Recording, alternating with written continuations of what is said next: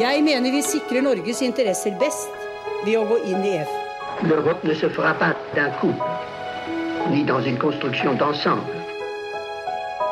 Das beste Mittel, um eine Politik zu treiben, die sich auf Vertrauen gründet. Dette er ikke noe vanlig samarbeid mellom selvstendige nasjoner.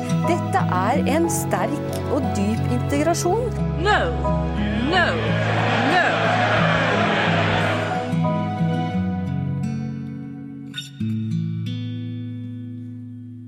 Velkommen til Det europeiske kvarter, en podkast om europeisk politikk og historie, med Lise Rye og meg, Kristine Graneng, på europastudier på NTNU.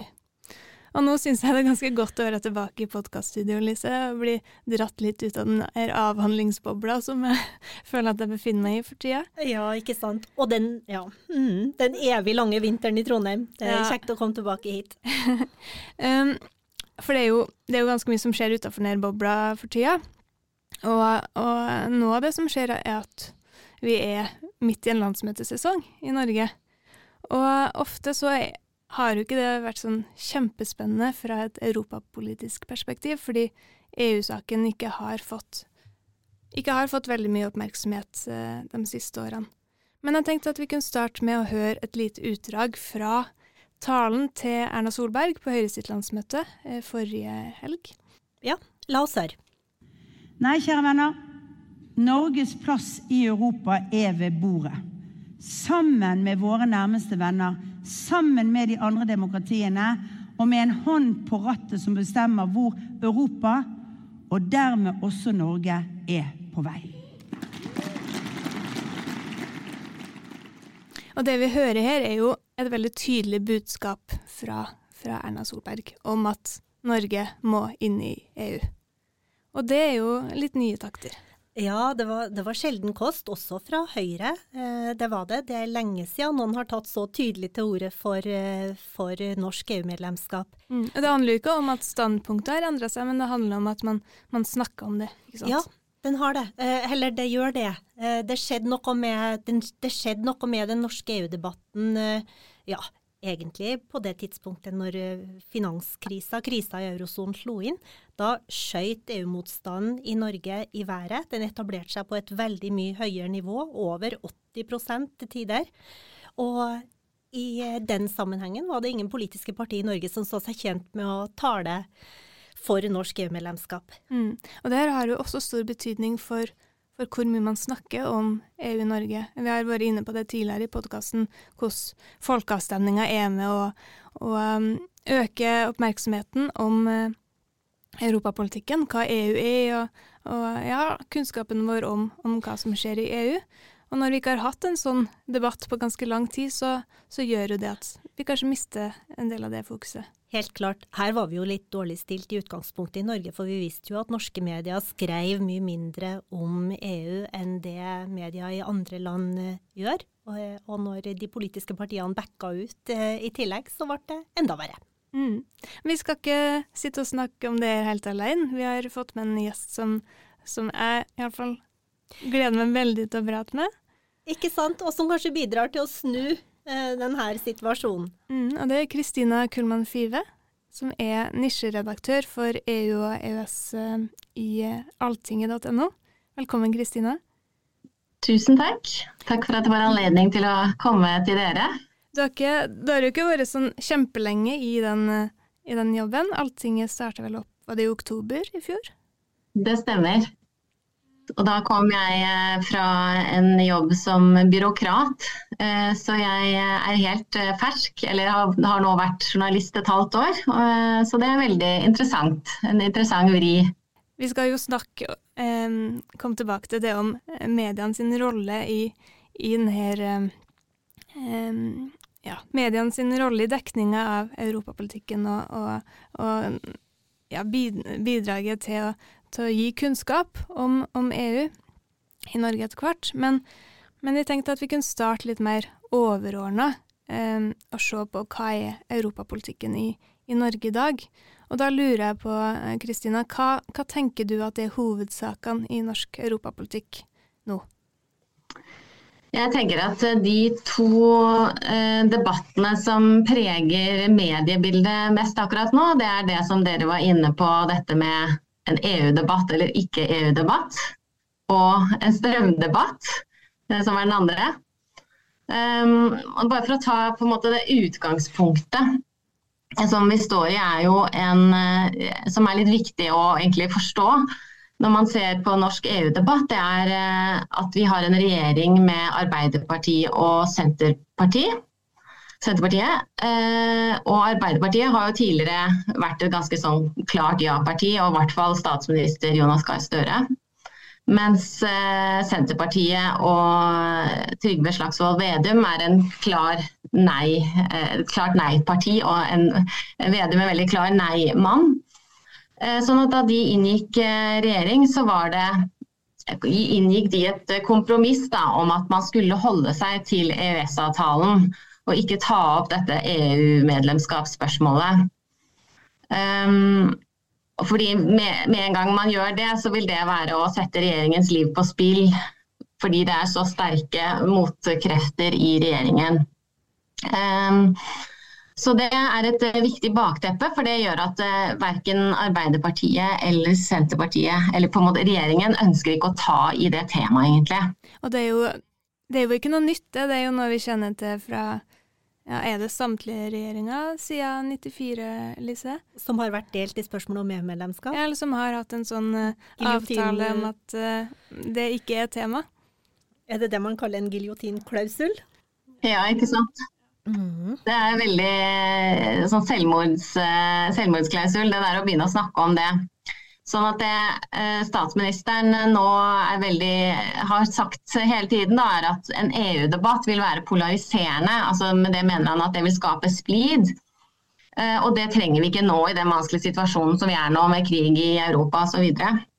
Og det har han nok sikkert rett i, for vi har jo sett på de to folkeavstemningene vi har hatt, at eh, det har jo vært veldig mye følelser i sving. Og det har vært eh, eh, stor debatt i befolkningen. Så i hvert fall at det vil være, vekke mye følelser, har han jo rett i.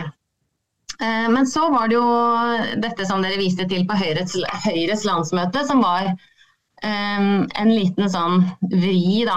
Fordi Høyre da var så klare på at de ønsker en hånd på rattet og det de i første omgang vil, da, er at regjeringen skal utrede fullt EU-medlemskap.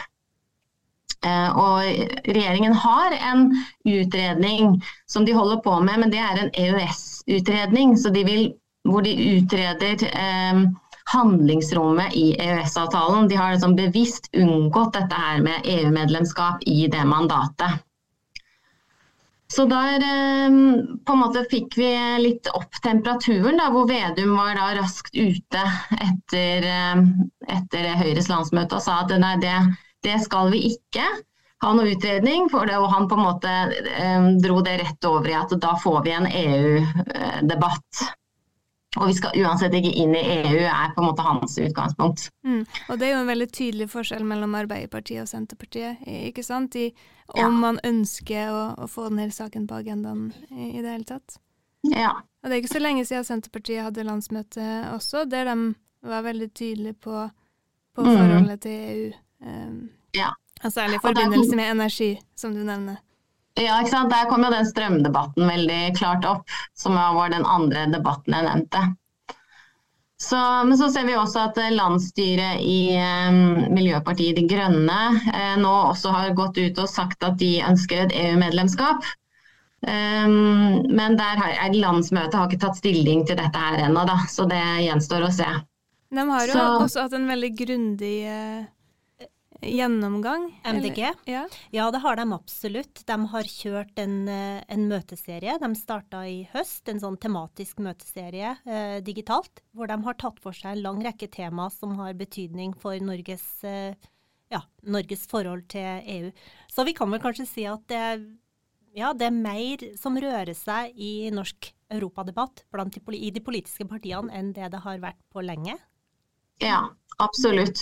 Og da, for MDG så er det jo særlig dette med klima, eh, fordi EU er så langt fremme på klima. Eh, bare for å føye til dette andre spørsmålet, eh, som er dette med strømpriser og koblingen til EU. Det er veldig komplisert, så jeg skal ikke bruke så mye tid på det. Men der ser vi jo særlig at, som dere nevnte, Senterpartiet er høyt på banen. Og også Rødt og SV, og til en viss grad også Fremskrittspartiet, som trekker opp den debatten om vår kobling til EU er årsaken til de høye strømprisene vi har.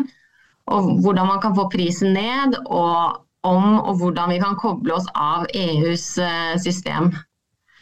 Så det er eh, på en måte Bakteppet for eh, alt dette her er jo krigen i Ukraina og de konsekvensene av krigen. Mm. Ja, det er to, to, viktige debatter der, Kristina. Men, men hva, hva, burde vi høre mer om? Det er jo veldig mye mer som rører seg i EU om dagen. Er det saker som er underbelyst i den norske debatten, slik du ser det? Ja, jeg syns at uh, den er ganske innadvendt, den norske debatten. Og det er jo utrolig store bevegelser i verden nå som man eh, bør følge med på, fordi det også får store konsekvenser for Norge. Så mange ting jeg kunne snakket om, men eh, jeg har valgt ut eh, fire temaer som er spesielt viktige, syns jeg. Og det første det er jo selvfølgelig håndteringen av krigens konsekvenser. Og da ser vi jo at EU eh, e styrker sitt forsvarssamarbeid og har nå altså felles innkjøp av ammunisjon osv. Og, og eh, et eh, sånn nytt samarbeid eller nytt fokus på forholdet mellom EU og Nato. At de utfyller hverandre mer. Og mens Nato har på en måte begrenset med eh, sanksjoner, så har EU eh, en mye større verktøykasse med, med, sanksjoner som de har satt i verk overfor Russland, eh, som går på økonomiske sanksjoner osv. Og så er det jo selvfølgelig alle de spørsmålene som melder seg med sikkerhet i forbindelse med krigen beskyttelse av kritisk infrastruktur som rørledninger osv. Vi har jo sett eh, eksempler på sabotasje av rørledninger. Energimangling som eh, russiske eh, som er konsekvensen av at eh, Russland har skrudd av gasskranen til Europa. Som påvirker prisnivået også her i Norge. Og så er det også andre spørsmål om eh, teknologi, altså datasikkerhet romprogrammer osv. Et eh, nytt satellittsamarbeid i EU som Norge står utenfor. Uh, og så, videre. så det var det første. Det kunne jo snakket lenge bare om det. Uh, en annen veldig viktig ting som skjer, er dette med Europas konkurranseevne. Mm. Og håndteringen av Joe Bidens grønne subsidiepakke som eh, kalles Inflation Reduction Act, også forkortet IRA, eller IRA. Ikke, ikke en terrororganisasjon denne gangen, men eh, ja, i hvert fall eh, Anniken Huitfeldt hadde, hadde, en liten eh, blemme med det i Storbritannia. Hadde det? Det har jeg ikke fått med meg. men jeg tror det er ganske godt kjent nå. Mm. Om, om det uttales IRA eller IRA det er i hvert fall en enorm eh, skattelettepakke til grønn amerikansk industri. Som eh, Joe Biden har eh, lansert med virkning fra 1.1 i år. Og det er jo veldig positivt for klimaet. Men det kan også samtidig virke negativt for europeisk industri. Fordi den virker såkalt proteksjonistisk. Da. Det vil si at den vil beskytte amerikansk industri. For å få disse subsidiene, så må du produsere i USA. Og dette er en stor fordel for de bedriftene som kan dra nytte av de subsidiene. Men det kan jo også føre til at bedrifter flytter fra Europa til eh, USA. Og det er EU veldig redd for. Og Norge er veldig redd for. Så derfor gjør EU nå hva den kan for å møte møte denne IRA-pakken på best mulig måte. Hva, vet du noe om hva Norge gjør for å møte denne IRA-pakken? Eh, altså, bare for å starte med EU, da, så har eh, EU fått en eh, slags eh, eh, viss samarbeidsavtale med USA på visse punkter. Men det som er at Norge står utenfor den avtalen fordi EØS-avtalen strekker seg ikke så langt. Så Um, prøver, Norge prøver i første omgang å hekte seg på det unntaket til USA. Eller det, det vil ikke si unntak, men det er en slags avtale med USA. Og så I tillegg så har EU-kommisjonen kommet med en pakke som heter eh, Net Zero Industry Act. Og det er da um, et uh, både et rammeverk å, um, som går på eh, slakke litt opp på lover og som gjør det lettere å etablere grønn industri osv. Uh, men i tillegg så har de også økt sitt uh, spillerom for å gi offentlig støtte til bedrifter. Så um, Og i Norge så, så um, er man litt sånn avventende til hva EU gjør, virker det som. Og næringsministeren viser til det som heter um, uh, grønt industriløft, mener jeg det heter. Veikart for grønt industriløft. Uh, hvor det, regjeringen har liksom, utpekt 100 områder som de skal satse og som skal få uh, støtte for å gå over til i det grønne skiftet. Men jeg tror nok at de avventer litt EUs eh, e regelverk der og utviklingen for å, for å, vurdere om de må justere også sine virkemidler. Mm, for det er jo flere årsaker til at, at, man er ganske avhengig av hva som skjer på EU-nivå. Det handler om statsstøttereglement eh, mm. og også om avtaler eh, med, med tredjeland, USA i det tilfellet her, da, som, som eh, ikke nødvendigvis dekkes av EØS-avtalen, som du sier. Mm. Ja.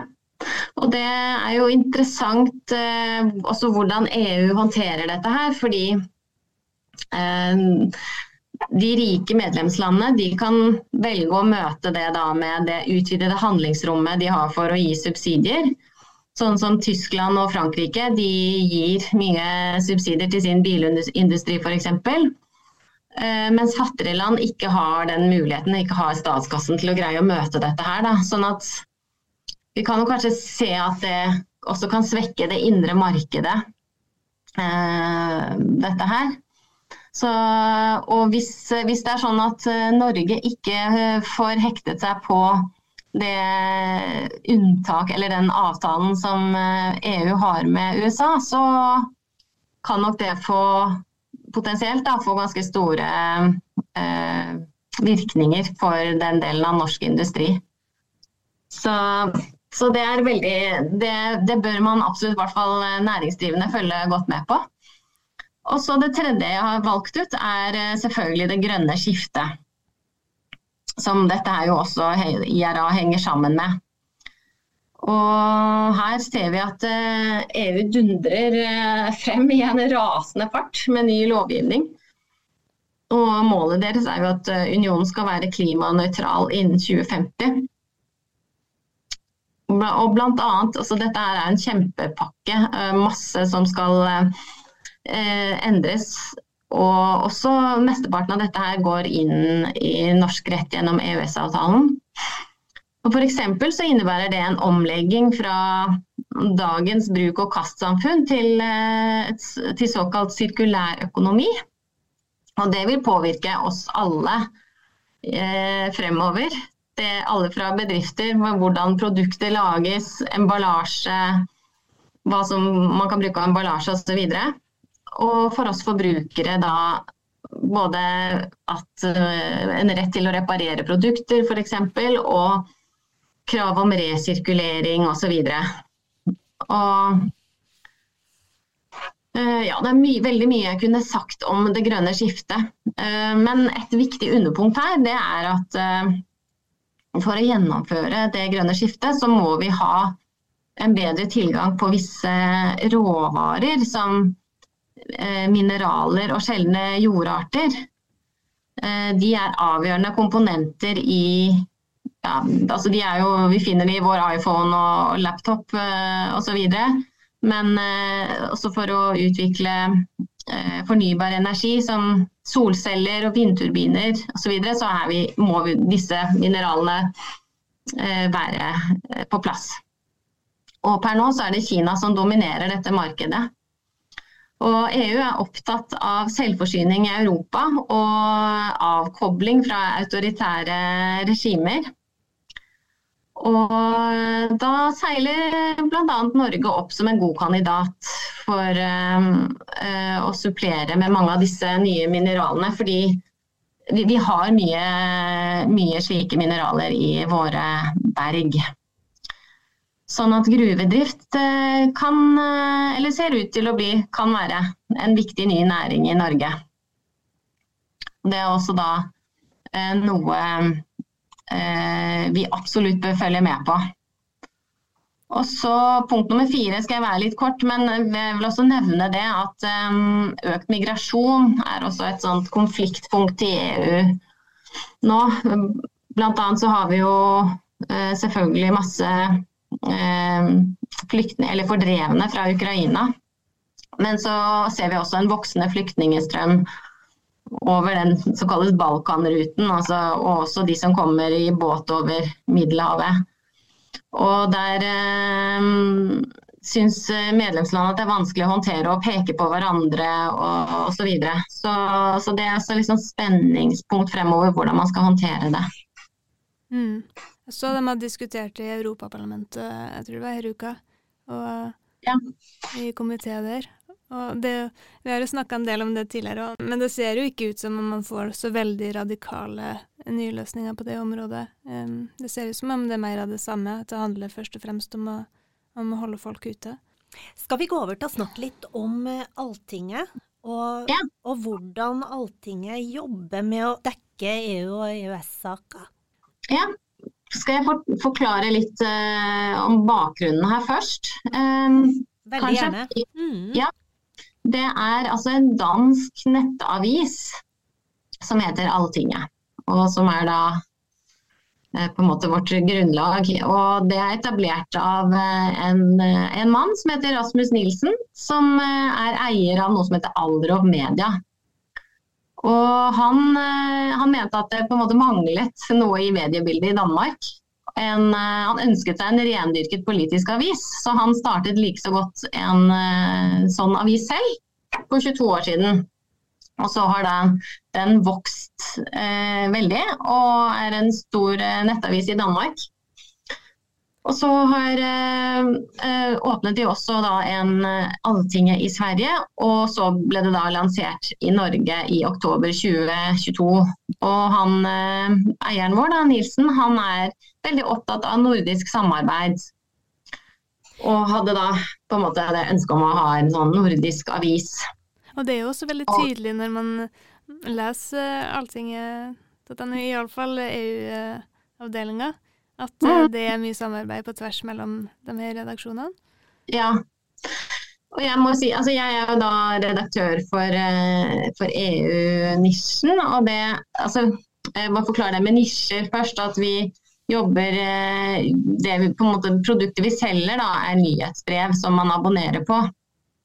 Eh, og så har vi også en, en eh, nettside eh, som man da kan gå inn på. Og så har vi en del åpne saker og et gratis nyhetsbrev som man også kan få.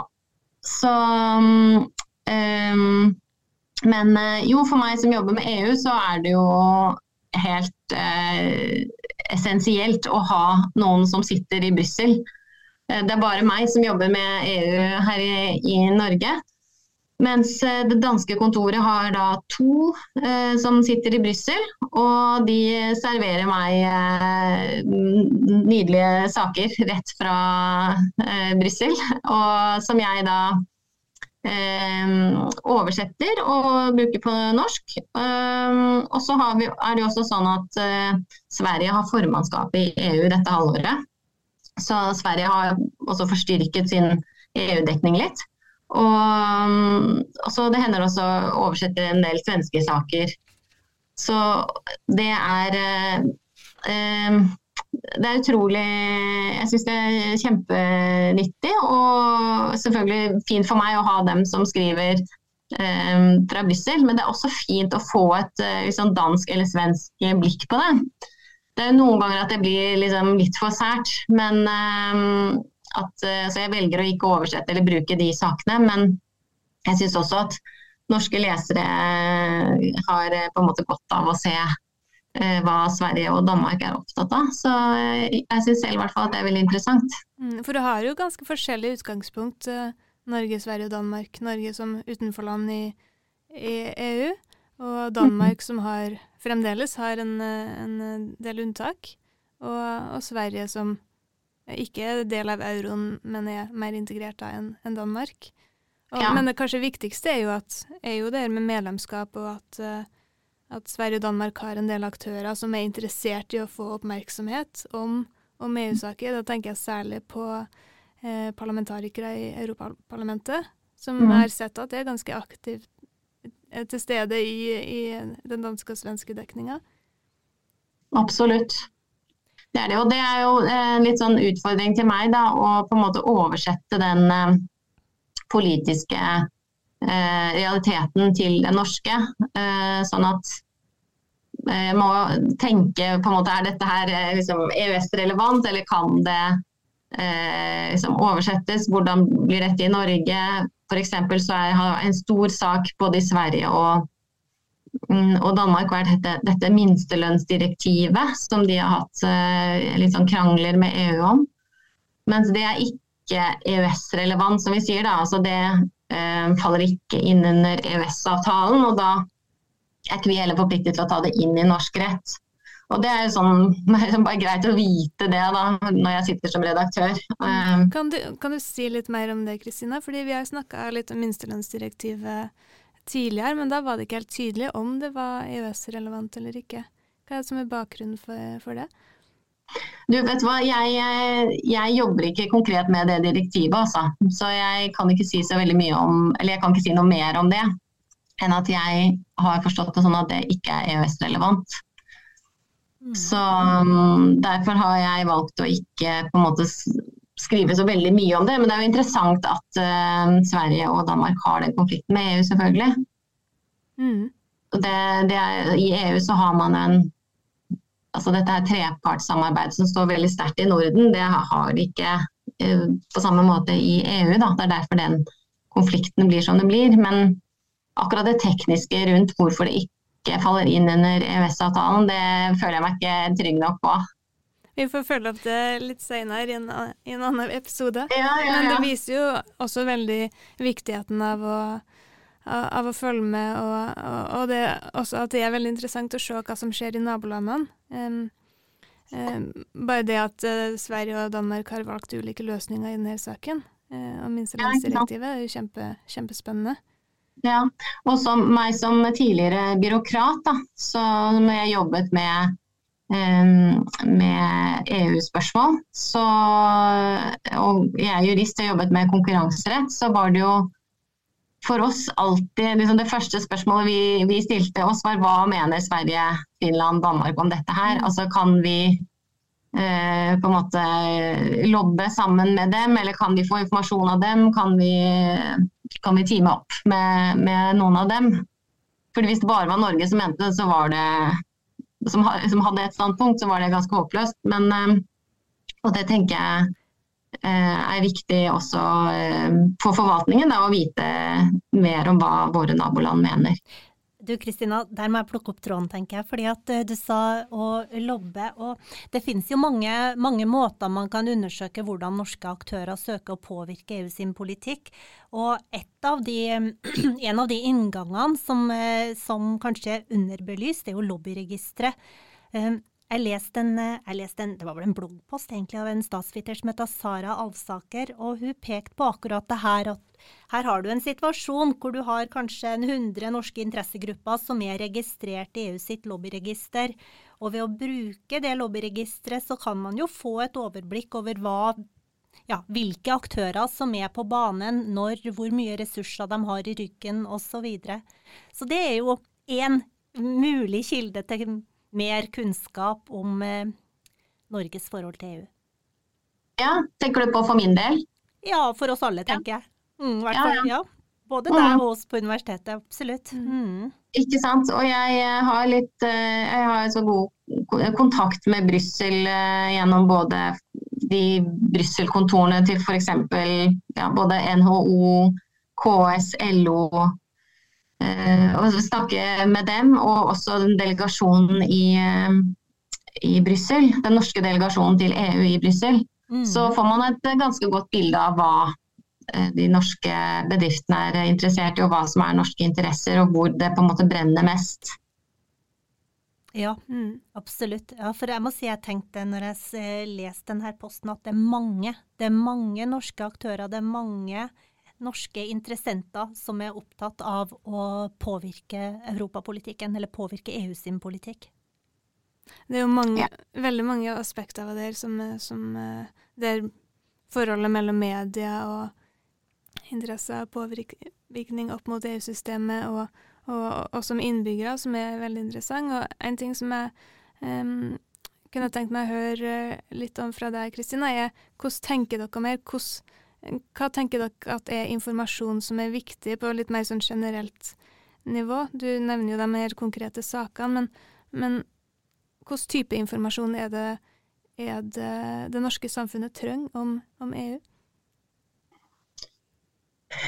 Ja, det er et godt uh, spørsmål. Um, du var inne på innledningsvis dette her med den uh, altså, uh, mediedekningen av, av EU-saker. Og den er jo dessverre veldig lav. Så egentlig skulle jeg ønske at mediene var flinkere til å, til å, dekke hva som skjer i EU, og, og på en måte uh, kunne fokusere litt mer på det brede bildet, og ikke disse polariserende enkeltsakene da, som strømdebatt og og sånne veldig inn, innadvendte, typisk norske eller som, som, på en måte nå bare vi nordmenn er veldig opptatt av. Eller det er feil å si det, for alle er opptatt av strømprisene, det er ikke det. Men, men den norske EU-vinklingen i mediene får ofte litt sånn innadvendt eh, innadvendte trekk. Og jeg vet ikke om det er helt altså Det er kanskje litt sånn selvforsterkende effekt med at man, mediene tror at det er det folk vil lese, og så leser folk det, og så vet de ikke på en måte helt hva de egentlig trenger å vite. Um, det er da ett problem. Men et annet problem er at dette her er jo så utrolig stort og komplisert og uoversiktlig at uh, vi som utenfor land kanskje ikke har gode nok kunnskaper da, om, eh, om hvordan vi henter informasjon og eh, navigere i det landskapet. Sånn at mediene eh, ikke har den rette kunnskapen, kanskje. Um, så ja, nei, jeg vet ikke om jeg svarte på, på spørsmålet. Jo, det syns jeg absolutt, men ja. Eh, ja. det er ganske mange dynamikker som kommer inn her, tenker jeg. Bare det med at um, man ser folk som man kjenner igjen. Eh, det er jo enklere å dekke toppmøtet kanskje enn å, enn å snakke om hva som skjer i Ministerrådet og Europaparlamentet, eh, eller hva ulike kommissærer gjør. Ja. Og, og, da får man et veldig sånn eh, Ja, jeg vet ikke hvordan jeg skal si det, men eh, det blir jo litt mer sånn eh, fokus på de ekstraordinære hendelsene fremfor den dag-til-dag-politikken, kanskje? Ja, og de som er nær, nærmest oss selv. Mm. Og det som er synd, er at de konsekvensene som er nærmest oss selv, de ser vi på en måte først når de kommer når det regelverket kommer inn i norsk rett. Da. Og da er det for det første er det for sent å gjøre noe som helst med det. Um, så ja. Tror det er et viktig poeng, Kristine. Det er lettere å dekke de store begivenhetene. Det, det er mye hva skal jeg si, mer medievennlig når Ursula von der Leyen kler seg i gult og blått og har med mm. seg Olena Zelenska inn i, inn i Europaparlamentet, enn det her Nå må du ikke bli fornærma som tidligere byråkrat, men, men, det her byråkratiske arbeidet i EU, det, det, det er mindre medievennlig.